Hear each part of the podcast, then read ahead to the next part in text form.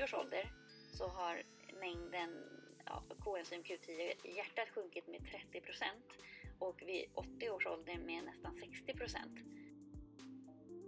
Man kan aldrig vara beredd på hur folk samarbetar i stressiga situationer om man inte har erfarenhet i, i den uppsättningen. Nej. För annars finns det ett som heter transresveratrol eller bara resveratrol. Eh, och det är liksom, den skyddar och eh, motverkar symptom som är nedbrytande eller liksom, ja, så att det påskyndar själva eh, läkningen. Det är svårt att hålla isär produkt från människa. Ja, exakt. Gurkmeja kan du äta jättemycket av för det har väldigt mycket antiinflammatoriska egenskaper. Det är nervöst. Ja, gud, berätta. Eh, imorgon ska jag opereras. Ja. Magoperation. Mm. Plastikoperation. Jag ska få överflödig hud, sned bukplastik och ja, det känns fint. Ja, gud, det förstår jag. Men jag har tänkt på det, alltså just för mig, nu är jag lite introvert och sådär, men jag kan känna mig så otroligt ensam när jag, när jag har så här mycket folk runt omkring mig. Liksom, när man har kommit in i det Mm. så ser man ju faktiskt fram emot det, även om man inte ser fram emot det. Det är en konstig grej. Ja, Ja, välkomna hit! Hej! hej! Hur är det? Det är bra, det är nervöst. Ja, gud, berätta. Eh, imorgon ska jag opereras. Ja. Min eh, magoperation. Mm. Det är Plastikoperation. Jag ska ta bort överflödig hud, sned bukplastik och ja, det känns fint. Ja, gud, det förstår jag. Shit. Vad, vad är förberedelserna på en sån här grej? Det är inga särskilda förberedelser. Det är vissa ämnen man inte får inta. Mm. Eh, vissa vad heter det? mattillskott och sådana saker. Men det tar inte i alla fall. Nej. Så det har inte varit så himla... Eh, det har inte påverkat så himla mycket. Men eh, jag har slutat röka Mm. i lagom tid för- inför operationen. För man ska inte ha nikotin i kroppen för det jobbigt att läka då. Mm. Och sen så ska man inte inta alkohol liksom på perioder också. Vilket jag inte heller gör eftersom jag inte dricker. Men annars inte så mycket. Nej. Schysst. Annars är det bara att köra. Tuta och köra. Ja, precis. Men hur... är varmt välkomna. Ja, till Ansvarspodden!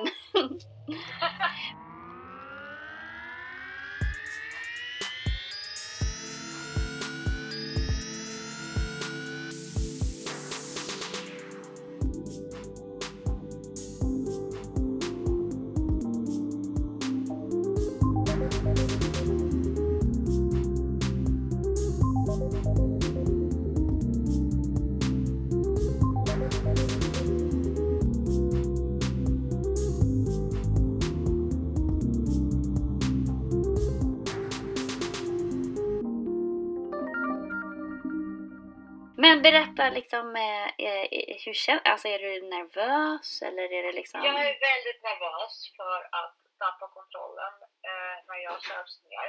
Mm, Jag hade mycket hellre gått igenom den operationen med lokalbedövning mm, eller epidural. ja, Men nu tror inte jag den möjligheten finns. nej, Utan man sövs ner och det, det tycker jag är jättejobbigt. gud, det förstår jag. Shit. Det, det, det är den biten som är mest oroande för mig under hela den här operationen. Och jag vet att jag förut eh, gått igenom en eh, abort. Ja, oh, ja, Ja, och då eh, gick man in och sövde mig, men det var väldigt lätt sövning. ja, Och då var jag, jag kan inte säga att jag, jag var medveten, men jag var mindre omedveten. Ja. och, det, och, och det gick väldigt fort också. Det var en 20 minuters ingrepp allt som allt. ja, Och jag vet inte riktigt hur lång operationen är här, men den är väl någonting runt ja, 40 minuter, en timme, någonting sånt. okej. Och, eh, och jag kommer vara helt väck, alltså jag kommer vara helt tuttigt borta. Mm, eh, långt, långt härifrån. Och tankarna som skrämmer mig är ju att jag aldrig kommer vakna upp igen. Ja. Jag ska vara helt ärlig, gå in här och säga vad själva rädslan är. ja, Och det är väl det. Att jag kommer liksom bara försvinna och aldrig mer komma tillbaka. Oh, men säg inte så. Nej, nej, jag vet, jag vet. Men det är det som är min rädsla i det hela. Ja, Och det är en skönhetsoperation och de går igenom tusentals skönhetsoperationer. Liksom. Det är, de har bra narkos. Alltså, det är så säkert som det kan vara. mm. Men min rädsla är ju kvar. Jo men precis. Och det är ju inte alltid som rädslor är helt logiska heller, även om det finns Nej, en liten sannolikhet kring att det värsta kan hända också ju. ja men absolut. Självklart. Det är som att flyga flygplan. Vi vet att det är Ja. så safe som det kan vara. Ja. Men vi, vissa har ju fortfarande rädsla för att flyga. ja, jag tycker att det är urobehagligt att flyga. Det tycker inte jag. Jag är hur cool som helst. Det, det, men det olika typer av att förlora kontrollen kanske. Men för mig är det det som är huvudsakliga rädslan. Det är inte smärtan efteråt. Nej. För det är liksom... Vad, hur, vad vet du om den? Jag har hört att det är ungefär som efter kejsarsnitt. Mm. Ja, Och jag har gått igenom kejsarsnitt och jag kommer inte ihåg att det var så farligt. nej. Men det kommer inte vara behagligt. Men jag har ju ett mål med det. Hur länge får, kommer du inte få träna på och hur länge kommer du inte... Jag får inte muskelträna på sex veckor. Ja, Och jag får inte liksom röra på mig aktivt på fyra. nej. Och jag får i princip inte röra på mig alls i två. Så jag kommer ligga ner i två veckor. Ja, Eh, Efter två veckor får jag ta promenader och liksom vara fysiskt men inte ansträngd. Alltså ingen träning, bara Mm. vanlig rörelse liksom. mm.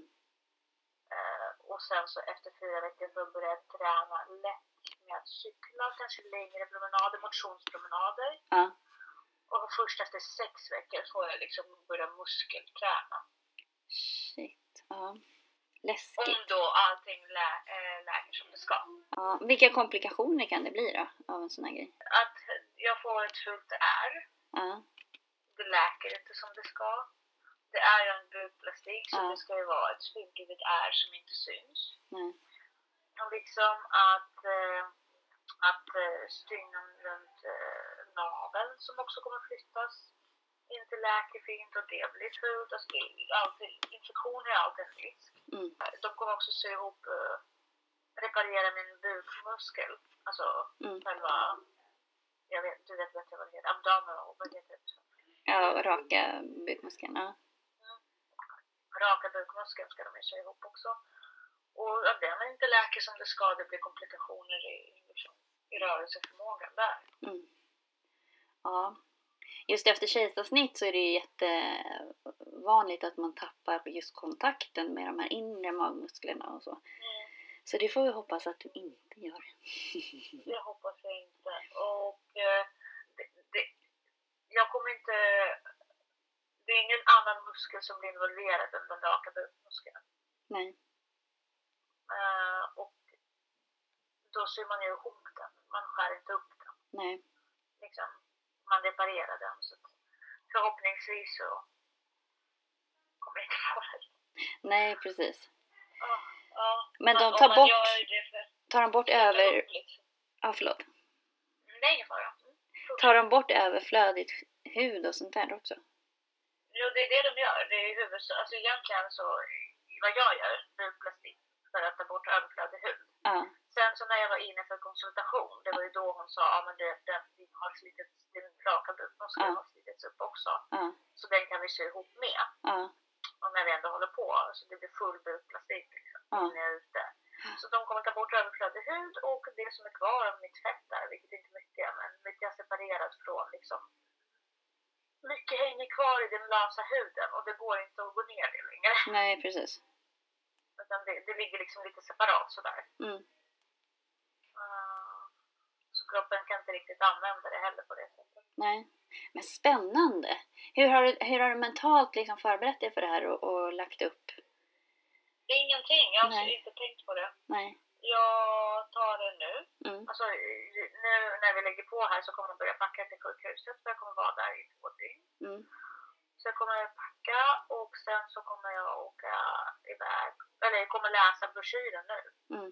Jag har läst eh, det som gäller för lite längre period. Mm. Men det som gäller inför morgon kommer jag läsa nu. Mm. Så, så funkar jag. Mm. Jag vill inte liksom sitta och grubbla över det. Nej. Och sen så kommer jag bara kasta mig in med huvudet före och sen så imorgon bitti, eller imorgon eftermiddag får jag liksom veta Ja. konsekvenserna av det. Ja, precis. Men jag kan tänka mig att det ser rätt läskigt ut liksom direkt efter. Att det, alltså om man jämför också med ett kejsarsnitt, alltså det kommer ju vara kanske väldigt blått och väldigt liksom, ser rätt krigshärjat ut. Ja, precis. Men det skrämmer mig inte så mycket.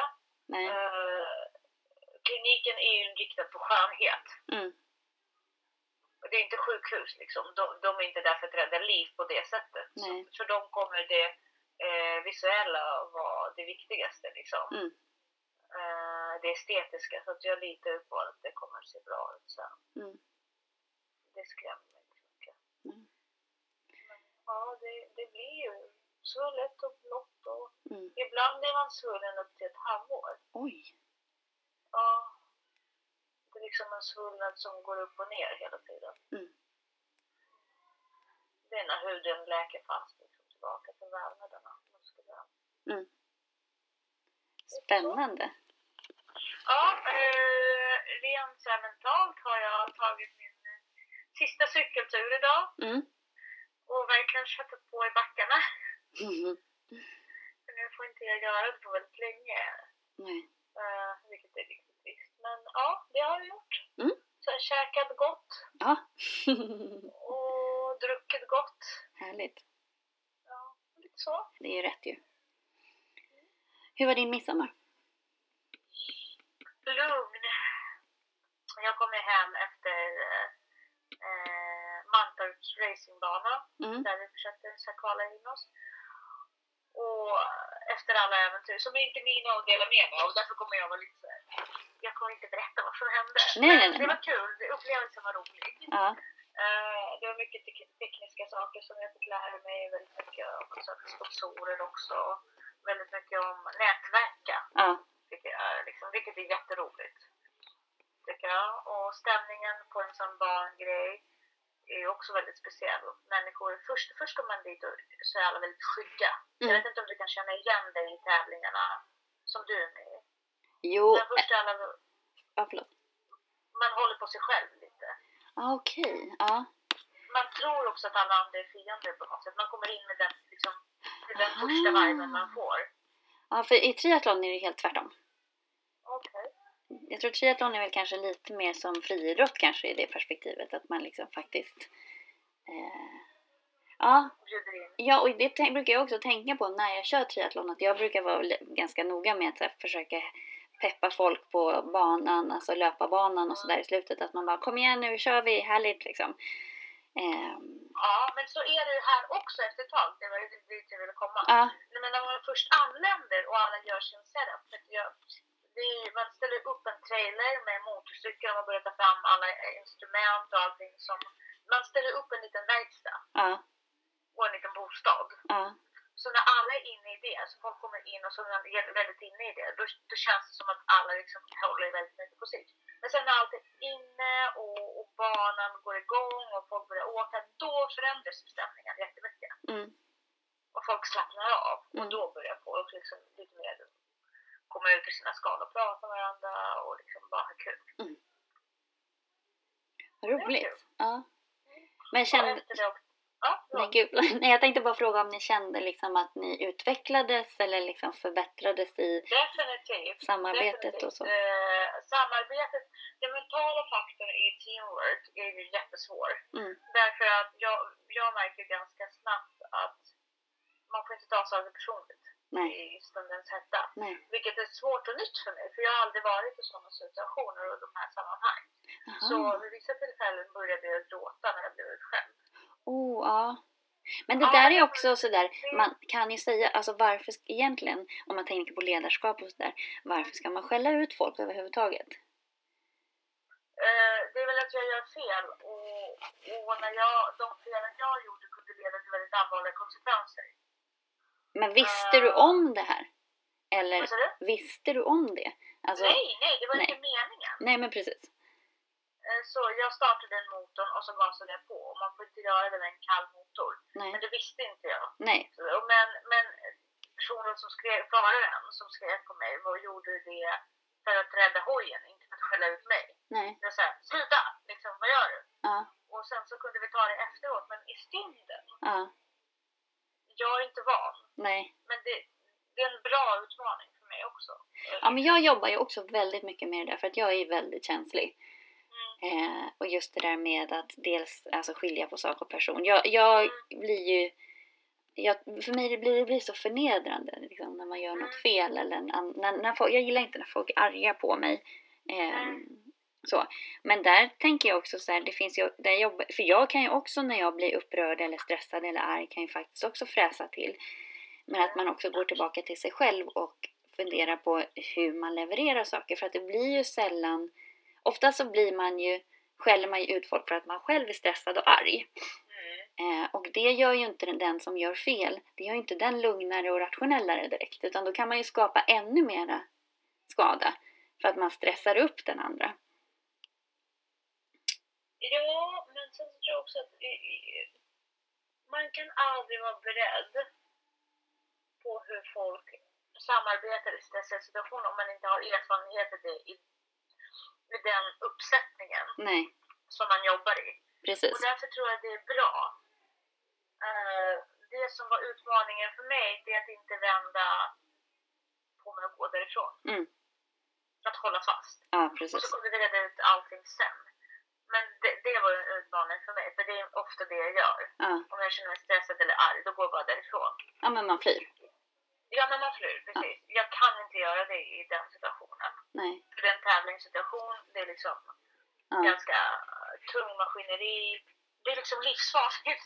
ja, Jag kan inte bara vända ryggen och dra. nej. Och det är en utmaning för mig som jag tyckte var jättebra. Mm. Och utvecklande och så. Det, det tycker jag definitivt. Så samarbete, särskilt under höga stressnivåer, en väldigt bra erfarenhet som jag aldrig upplevt förut. Ja. ja, men just det där också att i den stunden lugna ner sig när man mår sådär dåligt eh, och fokusera på saken. Men det, det lämnar ju fortfarande spår. Det är det som är så, alltså det gör ju ändå att man, för mig gör det i alla fall, att jag ändå får en viss tveksamhet eller en viss Oh jo, försiktighet. Oh jo, man är ju förnedrad. Ja, ja, gud, absolut. Och det man där är så... Man, Förlåt. man, förlåt, jag, bara, Ja, för, Man undrar, är det värt att fortsätta? exakt. Ja, exakt. Varför gör jag det här? Jag kommer hit för att bidra till någonting gemensamt. Mm, Jag får skit. Mm. Varför gör jag det här? exakt. Och det är att hitta motivationen och förstå att man gör det för något större. Men jag tänker också, det är lite så tänker jag att det är att vara skådespelare eller fotomodell eller typ den typen av yrken där du faktiskt går på auditions hela tiden och blir nekad eller kritiserad eller liksom så här. Och just det där, okej, eh, som en fotomodell, okej nu blev jag inte nekad det här jobbet för att jag liksom är ful eller så utan det var för att jag inte passar till den här kampanjen och ändå svårt att skilja på det och bara nej tyvärr du är för stor, du är för kort, du är för lång, du är för och likadant med det här med skådespelare att slåss hela tiden och sälja sig själv hela, hela, hela tiden. Det är oerhört svårt att skilja på sak och person kan jag tänka i de situationerna. Ja, och de som går igenom hundratals audition, de som sitter på jurysidan liksom. Ja, För de, de är också väldigt svårt att hålla isär produkt från människa. ja exakt. De, de behöver bara en produkt Ja. egentligen. Mm. Eh, och det är väldigt svårt för dem att gå igenom egentligen tusentals applikanter. Mm. Och ändå försöka tillgodose personen i varje när de ger kritik och, Mm. och så. Exakt. Och se dem som människor och inte bara liksom, Nej. ansikten. Ja. eller. Ja men precis. Nej men det där är spännande. Men hur tänker du att du ska sysselsätta dig nu under de här äh, sex veckorna? Eh, nu, ska vi bara ta två veckor. Ja. Jag ska bara sysselsätta mig i två veckor för så ska jag faktiskt röra på mig. Ja. Eh, jag, kommer, jag har jobb att göra. Mm. Jag har eh, projekt som jag ska göra illustrationer för. Ja. Jag har ett annat projekt som jag måste söka sponsorer till. Ja. Så att jag kommer göra det. Mm. Jag ska jobba. Ja. Och jobba med sånt som jag inte kan, eh, som, ja, som jag kan jobba med. För jag Ja. kan inte träna eller något annat jag ska göra så. Och är jag helt eh, utan något att göra, vilket jag inte tror, då kommer jag skriva min bok. Ja. Men jag tänker också hur, pass, hur mycket ork tror du att man kommer ha eller hur pass liksom borta är man? Eller liksom, för jag antar att du kommer gå på smärtstillande och sådär också. Mm, Ja, fast inte länge tror jag inte. Nej. Jag tror att efter dag tre så slutar man Mm. rätt mycket med smärtstillande. Så var det i alla fall efter uh, kejsarsnittet. Mm. Så jag hoppas att det blir ungefär samma här. Men eh, ja, jag, jag kommer orka. Mm. Smärta brukar inte få mig att stanna om det inte förhindrar min rörelseförmåga. Liksom. Nej. Vilka, vilka konsekvenser eller skador kan det bli om du till exempel börjar träna för tidigt eller gör saker som inte buken liksom är helt okej Det med? läker inte ihop. Nej. Det separerar igen. Liksom. Ja. ja. Vilket är Det är ju trist. kostsamt och jobbigt. Ja, verkligen. Ja, men gud, spännande. Mm. Men hur tänker du? Har du preppat någonting för att påskynda läkning och sådär? Eller har du... Nej, det var den, den biten som jag tänkte att du kunde hjälpa mig med idag. Ja, okej. Vad är det jag egentligen ska göra här?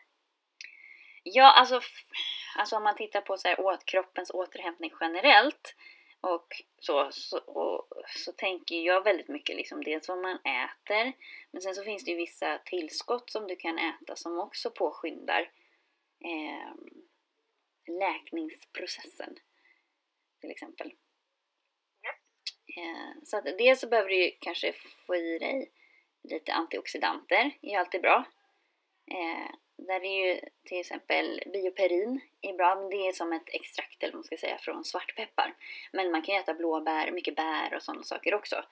Eh, sen så finns det en, eh, och det här har jag, eh, tänkte jag, eller tänker jag att, eller ja, är ju tips att äta om man tränar mycket och sånt där också när kroppen behöver återhämta sig snabbt. Eh, det finns ett tillskott som heter, men får du äta tillskott förresten? Efter? Eh, Efter får jag äta, det är väl två veckor man får inte äta något sånt. Nej, okej. För annars finns det ett som heter transresveratrol eller bara resveratrol. Ehm, och det är liksom, den skyddar och eh, motverkar symptom som är nedbrytande eller liksom, ja, så att det påskyndar själva eh, läkningen. Vilket är grymt. Eh, och sen så eh, gurkmeja kan du äta jättemycket av för det har väldigt mycket antiinflammatoriska egenskaper. Mm. Ja. Ingefära också då kan jag tänka mig. Ja, jo men det är Alltså vitaminer överlag tänker jag är jättebra. Sen eh, det här acetyl-L-karnitin som vi pratade om förra gången. Det är en aminosyra. Eh, och den är ju grym för hjärnan och för hjärt och kärlsjukdomar. Eh, men den är också väldigt, väldigt bra för att påskynda läkning i cellen. Yes. Eh, sen så kan man äta någonting som heter koenzym Q10. Eh, som också är brist på det här gör att mitokondrierna producerar upp till fem gånger så många fria radikaler och då skapar mindre energi i form av, eller mindre APT liksom i själva mitokondrien. Alltså att energitillverkningen blir sämre och eh, då går ju läkningen långsammare eller återhämtningen blir långsammare. Mm. Sen Och Q, en, en, en, vänta. Koenzym, ja. Ja, den. Vart finns den naturligt? Den bildas egentligen, den produceras egentligen naturligt i kroppen. Så att det är kroppen Ja. som, som gör den. Men det sjunker med åldern också. Så att om man till exempel eh, vid 40 års ålder så har mängden ja, koenzym Q10 i hjärtat sjunkit med 30% och vid 80 års ålder med nästan 60%. Vilket gör att återhämtning, det är därför vi åldras också. Då ska man definitivt ta tillskott på det. Ja men precis, det här är ju lite av de här growing young eh, grejerna också. Eh, och sen så det här PQQ som vi har pratat om tidigare som också är fantastiskt för hjärnan. Eh, det är en form av B-vitamin. Eh, och eh, det finns i väldigt, väldigt små mängder i till exempel sojabönor, potatis och persilja och sådär. Eh, I bröstmjölk finns det jättestora mängder av PQQ, det är superintressant. Eh, Verkligen. Ja, och det måste tillföras i kroppen. Kroppen kan inte göra det här själv. Eh, jag äter ju PQQ. Jag märker ju att det påverkar ju min... Alltså, jag får ju stabilare psyke av PQQ. Eh, Ja, precis. Och jag ska ju börja ta det efter operationen. Det var ingen idé att starta nu. nej, precis. Men sen även generellt, alltså C-vitamin är ju bra för, för eh, immunförsvar och återhämtning och. Och äta mycket protein så att kroppen verkligen eh, återhämta sig. Så då kommer man ju ta eh, tillskott av det Mm. i form av shakes, Mm. självklart. Eh, det har jag redan tänkt på i alla fall eftersom eh, energiförbrukningen går ner så mycket. Mm. Så kommer jag ändå inte kunna konsumera så mycket mat. Nej. Så mycket av det kommer handla om shakes. Ja. Så kanske en normal måltid om dagen och sen resten kanske blir och shakes och, Mm. och så. Ja, men det måste ju nästan, skulle jag tycka, vara den största utmaningen faktiskt. Att dels att inte få äta några tillskott, vilket det ger mig ett labilare psyke. Eh, och sen inte egentligen kunna röra sig så mycket, vilket betyder att då kan man inte äta så mycket. Så att man blir så här deprimerad och hungrig och tjock typ. Ja, men, eller hur? Men det blir, det blir lite så tyvärr. Eh, och det är det som är den stora utmaningen för mig egentligen. Att, eh, I efterhand, det är inte så mycket smärta, det är inte så mycket att inte röra på sig, det är det här att inte äta. Mm. För jag älskar att äta. Mm. Och Men särskilt när man inte har något att göra heller. Alltså jag kan ju Ja. tristessäta ganska mycket. Ja, men precis. För att eh, man, man ligger där och man tycker det är ganska mysigt att ta det här och ta det där. Och Mm. man, man har inte så mycket andra upplevelser. Det, det blir ju en smakupplevelse som blir- fyller ut den. Mm. På något sätt. Så det blir ju väldigt tråkigt att jag kommer få leva på shakes och kvarg och kycklingbröst. Ja. Det, det är det som är den stora grejen för mig. Om jag ska. Mm. Men alltså efter två veckor sa du så får du börja träna. Jag- får börja röra på mig normalt. Och vad är Alltså, jag, normalt? får, nej, men alltså, jag får inte träna. Jag liksom, kanske träffa en kompis på stan för en fika och Ja, åka okej. hem igen. Ja, bara röra dig mått- väldigt Ja. försiktigt. Ja, men liksom bara röra på mig. Småträna för att börja efter fyra veckor. Mm. Förutsatt att mina kontroller går som de ska. Mm. Eh, så det, det är väl det. Mm. det, är väl det. Men eh, efter sex veckor får börja muskelträna. Mm. Intressant är också att man får inte ha sex på fyra veckor. Va? Så, ja. Och det är att du, du får Eh. inte aktivera just de musklerna eller generell muskelträning i hela kroppen. Eh, nej, det är generell muskelträning.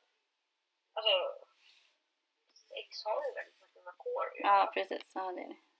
Eh, oavsett egentligen hur man performar. Ja. Eller hur? det är en ansträngning för, för core och det är den jag inte får aktivera. Ja. Spännande. Uh, så jag är väldigt frånvarande. Jag är väldigt, eh, väldigt sådär... Uh, I någon mellandimension mellan det, det som händer nu och det som ska hända efteråt. Mm. Jag, jag försöker att inte aktivera mitt psyke för mycket för då, då får jag panik tror jag. Ja, ja men Men jag precis. försöker så här, flytta ut utanför mina ra- ramar Ja, och bara inte tänka på det så mycket. nej. och hoppa in i det som jag gjorde lite grann med förlossningen. Jag läste inte så mycket om det. Jag tänkte jag tror jag får sköta det. Och här är sa- lite samma sak. Jag tänker inte på det så mycket. Läkarna får sköta det. Ja, Och de sa att jag var en bra kandidat och liksom såg bra ut. och så. Så de får sköta det så, liksom, så får min kropp här, en läka efteråt. Liksom. Och det är så vi kör. ja.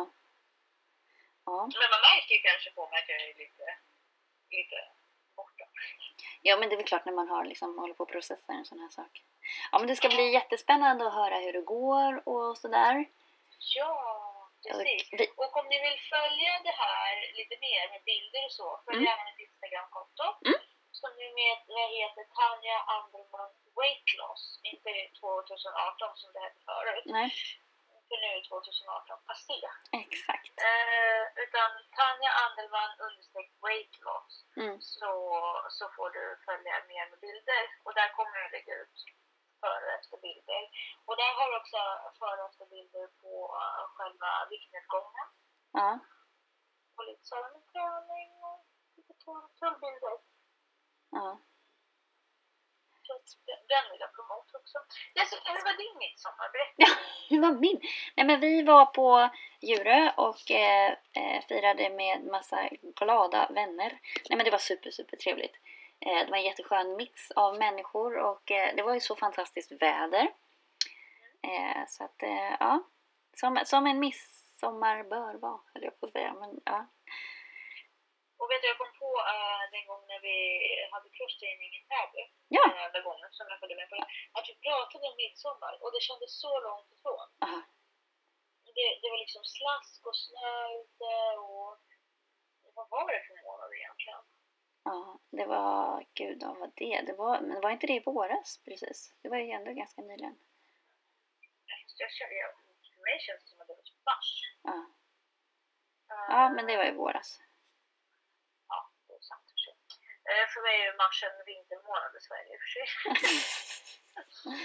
men ja, men och tiden bara fly- flyter på. Nu var vi där. Mm. Och du berättade ju att eh, eh, ni inte har någon fast tradition för midsommar. Det brukar vara lite på lite olika ställen. Ja, nej men jag har ingen fast... Danne har ju haft en mycket mer fast tradition för midsommar.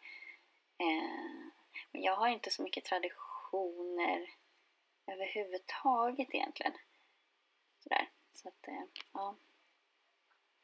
Nej. Nej. Men, men ni hade det trevligt. Ja, det var Reste super, ni midsommarstång själva eller var ni Nej, ingenting.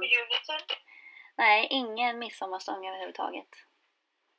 För det tråkiga, jag kommer ihåg när jag växte upp, det tråkiga var att sitta hemma i Stockholm. Ja, men jag tror så här, alla de här högtiderna handlar ju om att umgås på något vis. Precis, att man gör någonting. Mm. Det är därför jag egentligen avskyr nyår. För då vill jag inte gå ut och göra något, men jag måste ändå. Ja, i det perspektivet tycker jag nog så här, midsommar är ju också så här, då finns det en förväntan att det ska vara så här fest och härligt och liksom. Fast då är det i alla fall varmt och ljust. Men jag har tänkt på det, alltså just för mig, nu är jag lite introvert och sådär. Men jag kan känna mig så otroligt ensam när jag, när jag har så här mycket folk runt omkring mig. Alltså, eh, jag vet inte, att det blir som någon sån här Att det blir lite ytligt. Nej, inte ytligt utan bara så här, ju mer uppmärksamhet man får, eller liksom det blir som att man blir, det är så här kontraproduktivt på något vis, eller så här motsägelsefullt att liksom, ju mer involverad man är, desto ensammare känner jag mig. Om det är någon så här bakvänd medvetenhet om att allting kan ta slut. Liksom. Att det, är så här, det är lite för bra för, jag vet inte. Det är något så här psykologiskt. Jag vet inte.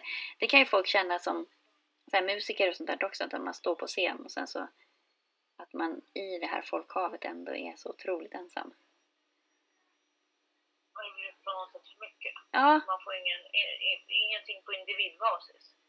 ja eller även om det blir, ja jag vet inte. Att, jag vet faktiskt inte vad det beror på. Intressant tanke. Jag, nej, jag trivs ju jättebra i stora sällskap. Så. Mm. Men jag kan få ångest efteråt. Ja. Men det är väl kanske den ångesten jag får redan där och då. Mm. Ja, precis. För till exempel, alltså när vi var i det här stora sammanhanget, väldigt adrenalinpumpat i nästan 48 timmar på banan. Och när jag väl landade efter den här ganska hektiska processen då, där på Tranarö när allting kom ihop sig, då kände jag så att man har inte kunnat slappna av. Jag Ja. är fortfarande i- inne i. Liksom, i min, jag hade växel inne Mm. och sen var det så himla ensamt att lämna allt det här bakom mig. ja, men det blir liksom som en efterdepression på något vis. Ja men precis, lite så här, som efter skolavslutning eller Mm. Ja, precis. man har sett fram emot någonting så himla länge. Ja. Efter julen brukar jag också få den här. Ja. Man har sett fram emot något så enormt mycket och sen så har man inte de nya mål framför sig. Man har inte liksom tänkt på dem riktigt än. Man har inte format dem i sitt huvud. Nej. Och så blir det så enormt ensamt när man har gått igenom den grejen som har funnits där. Som, ja, som en, som en stjärna i mörkret, som man har tänkt på det någon. Mm. Köttet sig igenom vardagen och bara, jag ska bara ta mig dit, jag ska bara ta mig dit. Så Mm. har man tagit sig dit. Så har man tagit sig förbi det. Så bara, vad ska jag göra? Ja, men det är väl det här dilemmat att ha uppnått ett mål och så. Precis, Ja, men det är spännande. precis så. Ja. Mm. Ja, men, det, men det är därför jag tycker det är så kul med nu cykling och sådana Mm. saker. Det ger liksom li- lite grann mål livet överlag. Ja. Man har alltid någonting att se fram emot. Mm. precis. Det är väl en av de mest fascinerande sakerna med idrott, förutom hur den påverkar psyket och kroppen och sådär. Mm. Det mentala, att man alltid har något att se fram emot. För efter ett tag, när det har varit jobbigt, och liksom, när man har kommit in i det, Mm. så ser man ju faktiskt fram emot det. Även om man inte ser fram emot det. Det är en konstig grej. Ja, exakt. Man vill ha the release. Ja, precis. Man vill ha konsekvensen av det, men inte... Precis. Man, man, vill, man, man kanske inte vill gå ut och springa men man tänker såhär, ah jävla kicken Ja. efteråt. Jag vill bara kunna ligga där och inte behöva tänka på någonting. Känna endorfinen Mm. pumpa och liksom ha den här härliga träningsvärket Mm. som påminner om att man har gjort något. Mm. Det är ju dit man blir. Man blir jag förstår ju hela den här idrott-junkie-grejen nu så mycket. Ja, jo, men det är ju som en drog. Det är det ju. Precis, bästa drogen. Med bara positiva konsekvenser. Kan man överträna Jessica? Kan man träna till den nivån där man faktiskt skadar sig själv? Alltså inte att man ramlar och slår sig. Men Ja, men du, absolut. Men- Det är, det, det är den gränsen som elitidrottare ligger på hela tiden. Att man vill ju, Mm. som, alltså du kan, det är det som är alla idrottsskador är egentligen att du har utsatt vävnaden för någonting som den inte tål. Att du har tränat lite för mycket eller varit lite för oförberedd. Eller, så absolut. Och du kan ju få överträning också i så att du slår ut hela systemet. Vissa kommer ju aldrig tillbaka. Om du tar till exempel eh, Per Elofsson, den här längdåkaren som åkte mot den här dopade tysken, Mühlegg. Han tog ju ut sig så mycket i det loppet så att han kom ju aldrig tillbaka. Kroppen, Men är det mentalt eller kroppen? Alltså, Nej, det är kroppen. Alltså, den fun- ja, du, du förstör kroppen. Den kan inte ta i längre. Att det är som alltså när du går in i väggen eller blir utbränd mentalt på jobbet eller av stress eller så. Likadant kan det också bli rent fysiskt i kroppen. Att den kan inte ta i längre. Ja, Men vad gör man då? Hur är rehabiliteringen då? vila. Bara vila? Ja, och sen börja om från början igen. Men det är inte säkert att man kommer tillbaka. Man, lägger sig liksom på grundläggande nivå och Ja. börjar stegra sig uppåt igen liksom. Exakt. Läskigt. Ja, faktiskt. Men ofta så får man, så får man ju överbelastningsskador av att träna för mycket eller fel. Det är ju det som är första tecknet. Ja, för jag känner också att det är en avvägning i hur man presterar. Alltså tränar man... Om jag cyklar mer än tre gånger i veckan, Mm. liksom verkligen, Mm. det är inte, inte cykla till jobbet utan Mm. träningscyklar. Eller springer Mm. tre gånger i veckan, då blir ju mina resultat, de, de blir inte bättre. Nej, och det där det blir ju inte bättre. Alltså, man, det blir inte mina, alltså, alla mina pass till vardags är jag ju ganska sliten. Eh, Alltså jag presterar ju inget, det är inte mina liksom, jag persar ju inte på ett vanligt träningspass för att kroppen är redan så sliten från de passen innan. Och där är ju gräns, eller liksom avvägningen med hur pass sliten kan man vara utan att det faktiskt eller att när det ändå fortfarande bygger upp någonstans. Så att vilar man i två dagar så är man i superform. Eh, men, men för att få in all den träning man ska få in så, så sliter det. Alltså du måste ju träna fast du är sliten. Och det, och det gör, alltså om man tränar mycket så är man ju konstant sliten. Det är sällan man är väldigt fräsch. Det är man ju bara när man är i tävlingsform på något vis. precis, för jag märkte till exempel nu, nu hade inte jag tränat på tre dagar i rad. Mm, Och idag presterade jag hur underbart som helst. Mm. Och det, det är alltid en avvägning, vardagsträning eller toppar. mm, precis. sätt. Nej, men det där är spännande. Perspektiv alltså, verkligen.